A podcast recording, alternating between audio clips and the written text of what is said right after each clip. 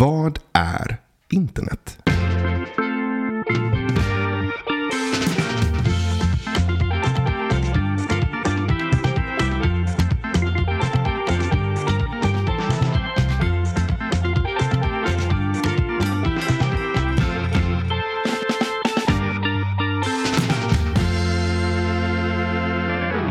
Ja, denna frågan har ett väldigt kort och enkelt svar. Nej, jag skojar bara, det har den inte. Men eh, man kan väl säga att internet är egentligen eh, mängder av datorer sammankopplade. Började med att man ville ha ett skydd mot eh, eh kärnvapenattacker egentligen. Ehm, den amerikanska militären insåg att det var sårbart om man bara hade telefonlinor. Om den ena slogs ut så brast kommunikationen helt. Så man ville ha ett nät eh, av mängder av datorer som var sammankopplade. Och slås några ut så gör det ingenting för att nätverket finns fortfarande kvar. Informationen finns eh, sparad. Sen insåg man då att det här kunde användas av universitet för att dela information med varandra så man inte dubbelarbetar. Och därifrån har det växt till det myllrande nätverk av hela världens befolkning som vi har idag. Vem hittade på internet?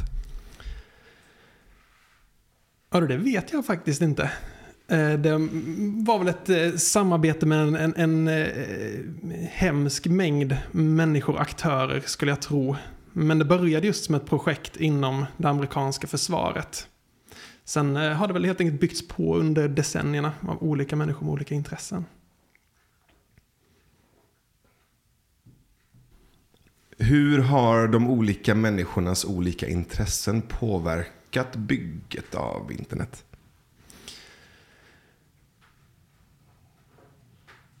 Det är ju väldigt mycket teknik vi har idag som har börjat just som eh, militära projekt. Och sen har man eh, upptäckt de civila användningsområden allt eftersom.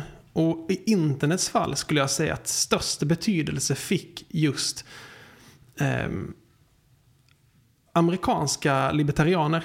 Eh, människor som ville maximera friheten för individen, som såg datorn som någon, en frigörande kraft. Man tyckte att eh, med hjälp av datorn kunde människan eh, slå sig fri från de rådande maktstrukturerna. Tidigare hade datorn bara använts av just stora företag, myndigheter, eh, försvarsapparaten. Men med hemmadatorn, PCn, eh, så kunde man eh, själv alstra all den här processorkraften, tankekraften om man säger så. Och det var de som först anammade det här nya internet, hela PC-kulturen och utvecklade den och lade grunden för vad vi har idag egentligen.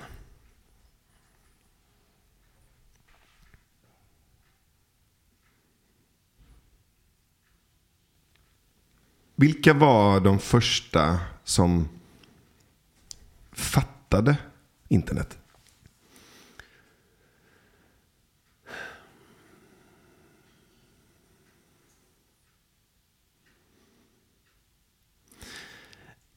Jag undrar om vi fortfarande riktigt har fattat internet. Den första jag kom att tänka på som verkligen förstod eh, vad som skulle komma levde egentligen innan internet eh, blev en grej. Eh, det var antagligen inte ens internet han pratade om, men det var Marshall McLuhan. Eh, som då var en medieteoretiker som eh, under 60 och 70-talet framförallt eh, pratade om hur ny media höll på att skapa en eh, global by, föra oss närmare varandra och eh, på ett sätt tillbaka till en sorts stamsamhälle där vi alla är mer som grannar. Och Eh, när jag läser det han skrev och hör det han sa så känner jag att han kanske var den första som egentligen fattade. Och sen var det nästan som att vi andra eh, glömde bort det. För han betonade hela tiden att eh, den här globala byn eh, kommer bli en plats med en hög konfliktnivå. När människor kommer närmare varandra så börjar de störa sig mer på varandra, de blir mer öppna med varandra. Eh, de blir råare mot varandra, mindre tålmodiga med varandras egenheter eller brister. Men det där eh, glömde vi på något sätt bort under kanske 90-talet och 00-talet och tänkte att internet kommer eh, demokratisera världen, det kommer bli en friare plats, eh, människor kommer föras närmare varandra och då också tycka bättre om varandra. Sen upptäckte vi någonstans under eh, 2010 och nu 2020-talet att ehm, McLuhan hade rätt. Så han var kanske den första som på riktigt förstod vad som skulle hända. Men han dog 1980 och fick aldrig själv uppleva det som han på många sätt förutsåg. Hur kunde han veta det? Han har ju kallats för en mediasavant. Alltså extremt intelligent när det kommer till eh, olika mediaformer. Eh, han såg ju medieteoretiska samband på ett sätt som få andra eh, gjorde. Och på ett sätt nästan uppfann eh, fältet. Och eh, sättet han pratade om medier på som en eh, transportmedel för information. Och det kan vara nästan vad som helst. Liksom, talet är ett medium, skriften är ett medium, boken är en sorts medium, radion är ett medium. TVn, som han främst pratade om då, var en sorts medium. Och nu då internet. Så han la grunden för hela det här fältet. Och eh, jag förstår faktiskt inte riktigt. Han måste ha haft en hjärna som fungerade väldigt annorlunda än eh, våra andra. För jag tror att sambanden han såg och så rätt eh, han fick det är svårt att begripa idag nästan.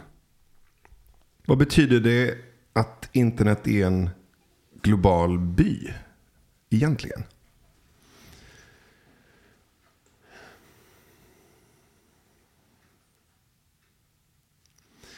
Att det går lika snabbt att kontakta en främling i Indonesien som går och knackar på din grannes dörr. Vilket innebär att plötsligt är människor eh, grannar med varandra och grannar eh, stör sig på varandra. Ibland råder eh, grannfrid, man kanske har jättebra relationer, man går över med en paj när grannen flyttar in och man har eh, fester ute på gatan och allting funkar fint. Eh, men sen har vi den andra extremen som är eh, där eh, realityserien Grannfejden som gick med så här helt sjuka sammandrabbningar mellan grannar över vem som borde klippt häcken och inte. Eh, och mellan det där så har vi nog eh, de relationerna som de flesta av oss har med våra grannar. Att, eh, vissa av dem funkar vi eh, jättebra med. Andra blir vi irriterade på när de klampar eh, på golvet. Vi tycker att det låter som att de går med stålhätta. Eller de kanske har sena eh, nattvanor och vi tycker att de stör vår sömn. Eh, och så går man och irriterar sig på några. Och på internet så blir det där väldigt påtagligt. Vi är så nära varandra hela tiden. Eh, människor som vi aldrig eh, hade valt att vara nära annars, före internet. Och jag tror att det är därför konfliktnivån där är så hög. Vi har kanske inte heller anpassat oss till det här nya tänket ännu. Att vi behöver inte ha dörren öppen för alla på internet hela tiden. Utan det känns som att saker och ting bara öser in i våra flöden och vi måste reagera på dem. Vi måste säga till grannen att sluta stampa, sluta banka in mina väggar. Um, och på samma sätt liksom reagerar vi på allt vi ser på eh, X eller på Facebook. Um, men jag tror att eh, när vi mognar i det där så kanske vi helt enkelt behöver skjuta internet lite ifrån oss. Så här, återskapa avståndet som internet har tagit ifrån oss. Så att Eh, vi kan dra nytta av allt det goda eh, som finns med att hela världen är sammankopplad. Men just att dörren behöver inte vara öppen för alla hela tiden. Vi behöver nog bygga upp en sorts eh, barriärer som, där vi själva väljer var vi vill dra våra gränser. Så, så, att vi känner att vi återtar kontrollen. Om öronproppar är mitt sätt att slippa höra mina fysiska grannar och deras störningsmoment. Vad är motsvarigheten till de öronpropparna i den globala digitala byn? Ett svar kan vara eh, blockeringsmekanismen. Man kan eh, blocka eh, folk som man, eh, som man, som man tycker inte har något, något i ens digitala hem att göra. Men andra svar eh, skulle kunna vara att Eh, stänga av eh, pushnotiser och känna att man på så sätt återtar eh, kontrollen. Att jag väljer när jag vill gå ut och prata med mina grannar, men jag behöver inte få de här pushnotiserna till mig hela tiden. Liksom, jag väljer när jag vill söka upp intrycken, jag är inte den som blir uppsökt. Ehm, och liksom ehm, inaktivera appar under vissa tider. Just den typen av sätt att, att återta kontrollen. Hur förlorade du din internetoskuld? Eh, jag var eh, åtta år gammal och eh, upptäckte ett, genom en kompis, eller hans storebror rättare sagt, ett textbaserat rollspel som hette Ekrana. Och blev fullständigt besatt. Det var så här man, alltså, som en sorts textbaserat World of Warcraft. Man springer runt på ett fält med sin års eller ett troll. Eller en dvärg. Och ehm, besegrar monster och så får man då rapporterna i textform. Så det står du svingar mot monstret, du missar eh, eh och eh, trollet slår mot dig och eh, får in en eh, fullträff. Och så stod det så här med stora bokstäver, överköttad. Vilket var väldigt, det var kul, det var så här, eh, är det inte på Counter-Strike de säger så här, overkill, double kill. Det var någon sån, sån variant i textform då. Eh, och så skulle man då gå upp i nivå, man skulle gå in i klaner, eh, handla med varandra. Eh, och så hade man då spelledare som skickade ut meddelanden till alla på samma gång. Och så här, nu börjar ett äventyr ute på östra fältet och så skulle man be sig ut där och så var det en skattjakt. Så det, det, var, det var min ingång till det hela. Hur gammal var du då? Eh, åtta år. Mm. Och det roliga var att de flesta som var där var kanske mellan 13 och 17. Och det värsta man kunde vara enligt dem var ju en P12. så, så jag var ju tvungen att låtsas då att, inte att jag var 12 år, för då hade de fortfarande hatat mig. Så jag var tvungen att låtsas att jag var 15 typ, fast jag var 8 bast. Och jag tror, jag tror att den bluffen genomskådades, men på något sätt så lyckades jag ändå eh, på något sätt ta mig in i gemenskapen. Vad var det för typ av gemenskap? Eh, Eh, många av dem har jag faktiskt fortfarande eh, kontakt med. Ehm, och eh, vi har liksom följt varandra genom livet. Vi fortsatte spela detta i... Ehm, det kom i en ny form sen. Ekranen lades ner och så kom Setrak som var samma skapare men en, en ny form av samma spel, en utvecklad form. Och där fortsatte jag spela tills jag var 18 i alla fall. Så vi spelade tillsammans i 10 år.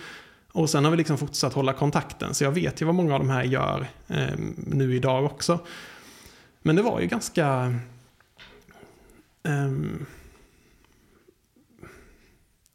jag ska inte nödvändigtvis säga introverta, men eh, nördiga människor som älskade eh, Sagan om ringen-människor kan man ju säga.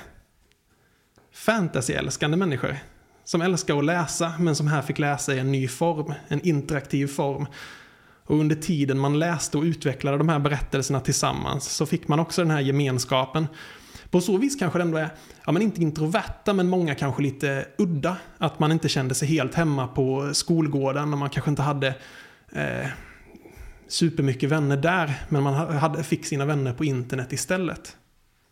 Varför tror du att det var lättare för just de här personerna att hitta sina vänner på internet istället för på skolgården? Det jag alltid älskat med internet Ja, och det som fick mig att börja älska internet då var ju just eh, anonymiteten. Att man kanske har dåligt självförtroende, man, man är blyg, man vågar inte eh, gå fram och prata med folk. Men tack vare anonymiteten så vågar man mer vara sig själv och utforska sig själv. Eh, man kan leka med sin identitet. Jag kan låtsas vara eh, 15 år fast jag egentligen är 8 och så blir jag gradvis bättre på att, eh, på att, på att vara det. Ehm, så man, kan, man kan utforska identiteter. Man behöver inte förknippas med sin eh, fysiska kropp eller de brister man tycker att man har där. Och så ger ju text en betänketid. Jag har alltid varit med en eh, textmänniska egentligen. Eh, vilket är ironiskt nu när jag sitter här och, och poddar.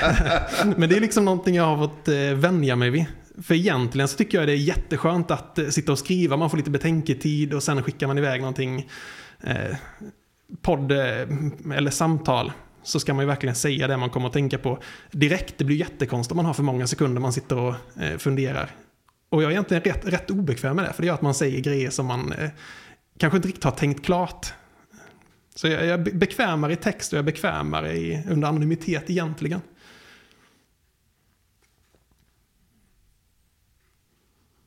De här personerna som du spelade med när du var åtta, som du säger att du har kontakt med vissa av dem. Mm. Vad gör de idag? Kan du se några gemensamma nämnare?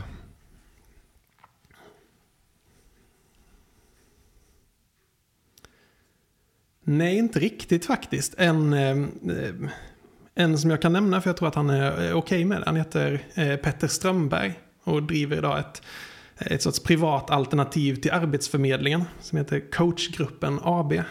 Och det är ju någonting eh, helt annat än det jag gör. Men eh, han var nog den jag kom eh, närmast. Han var också spelledare under perioder. Och jag var också spelledare under perioder. Ehm, så vi, vi utvecklade den här världen tillsammans. Och jag minns att han, hans första användarnamn var Sokrates. Och då var han nog, jag tror att han var typ 15 då och jag var 8. Men han arrangerade en skrivtävling. Ehm, och jag vann den. Och jag minns att det var en sån här wow-upplevelse. Det var liksom första gången jag eh, skrev någonting och på något sätt fick bekräftelse eh, för det. Att du kan skriva. Och i och med att jag visste att de flesta där var ganska mycket äldre än jag så var det också en sorts bekräftelse på att yes, jag har ändå lyckats smälta in med de här eh, 15-åringarna. De ser inte att jag är, då jag kanske 9-10. Men det var en riktigt så här häftig upplevelse som blev... Jag minns verkligen som en, kanske nästan startpunkt för min, min eh, skrivlust. Men jag ska ändå säga att vi har aldrig eh, träffats. Eh, och han föreslog för några år sedan att vi skulle träffas. Och jag sa så här, ja men det, det, det, vore, det vore jättekul, vilket absolut det vore. Eh, men sen blev det en sån här grej som bara rann ut i sanden. Och jag tror att det var lite medvetet från min sida ehm, att jag eh, Alltså vi har haft en så bra relation över internet i så många år och vi följer vad varandra gör. Eh, varför ta risken att träffas i verkligheten och kanske på något sätt eh, förändra bilden av varandra? Det funkar ju så bra som det är. Eh, och på ett sätt är det fint att det kan vara så. Om, om vi har en jättebra relation så behöver vi kanske inte eh, utveckla den på det här sättet. Det blir liksom, man har en internetvärld och en fysisk värld.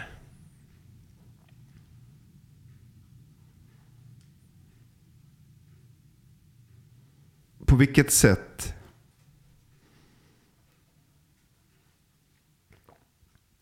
uppträdde internet, tror du, när citatet internet är bara en fluga yttrades?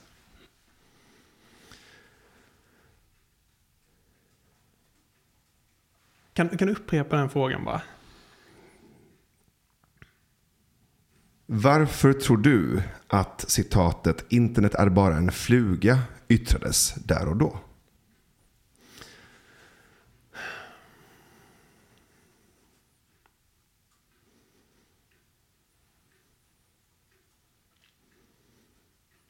Ja, men det är nästan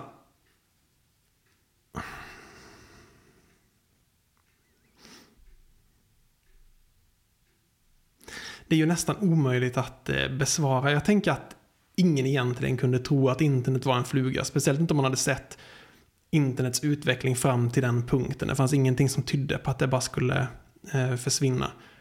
Men det finns kanske en eh,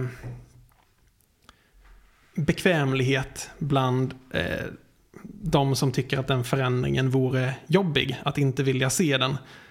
Eh, och så skjuter man det framför sig genom att säga att Nej, men det här är ingenting vi behöver diskutera just nu åtminstone. Vi kan diskutera det om det visar sig vara en eh, varaktig grej. Det är väl ingen som riktigt säger så om AI idag, men man skulle kunna tänka sig att eh, för några år sedan åtminstone så skulle folk kunna säga att Nej, men det med AI är bara en fluga. Eller det här med VR är bara en fluga. Det säger ju folk fortfarande. Ehm, men det är ingenting som tyder på det. Allting tyder på att vi går mot ett mer ehm, immersivt eller inslutande virtuellt samhälle där internet kommer vara med oss överallt. Och varför skulle vi inte ha på oss glasögon när de i alla fall har blivit lättare? Ehm, och ta oss in på internet på det viset är mycket mer eh, intuitivt än att sitta med skärmar med mobiler och datorer och tv-apparater. Mina föräldrar köpte faktiskt sitt första VR-headset nu i helgen. Och de är ju noll teknikintresserade i grunden. Men pappa har alltid tyckt att eh, när vi ska spela tv-spel tillsammans eh, så tycker han att det är så fruktansvärt svårt att förstå kontrollerna. Eh, och han, han liksom, hur många gånger vi än gör det så har han aldrig lärt sig. Men när han fick testa på VR så kände han att men jag gör det med mina, mina händer. Liksom. Jag fattar ju direkt vad jag ska göra. Så VR är ju en lättare form av teknik och mer naturlig. Så varför skulle det inte slå men det finns nog en vilja just att... Eh,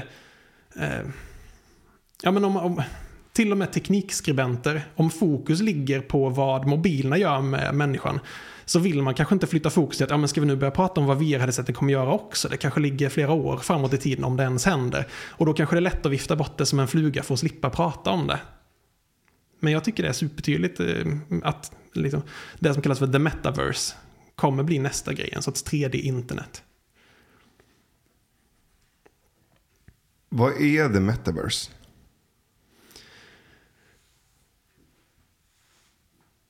Ehm,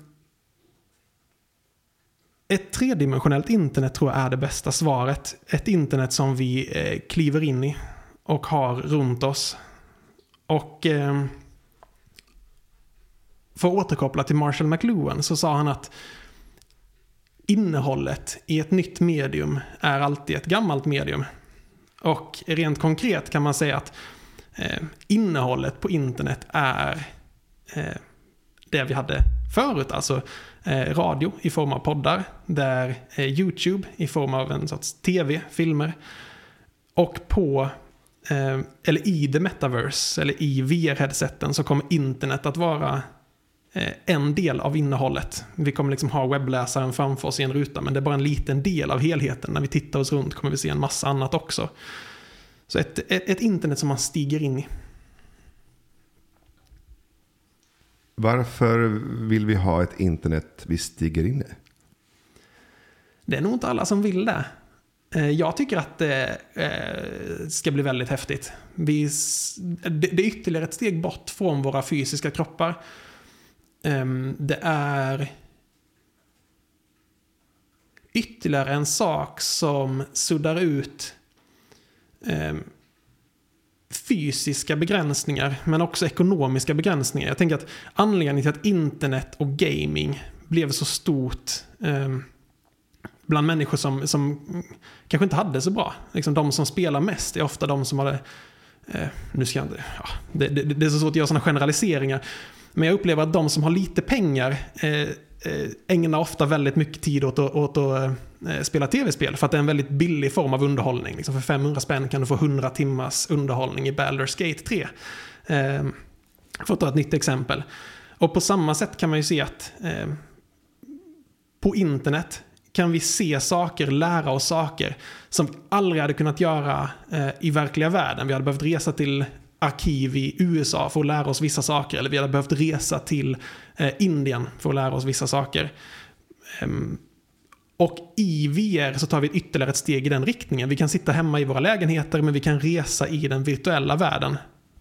Och se och uppleva och lära oss saker, träffa människor som vi aldrig hade kunnat göra annars. Vi kan gå på museum utan att vara där. På internet hade vi bara kunnat se bilder eller filmer av det.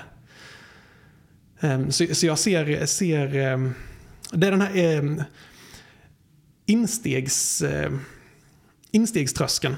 Eh, på samma sätt som med eh, internet och med datorerna. Att de första åren så är det tvärtom. Det är bara de rika eller bemedlade som har råd med utrustningen. Men sen sjunker priset. Och då blir det eh, tvärtom. Att de som har dåligt med pengar eh, kan köpa den relativt billigt. Och sen kan de uppleva väldigt mycket till knappt några pengar alls. Så under några år nu kommer det vara liksom medelklassen och uppåt som har VR-headset. Men sen kommer det där förändras och bli eh, till stor del precis tvärtom tror jag. Vad överraskade dig mest i arbetet med boken du skrev om internet?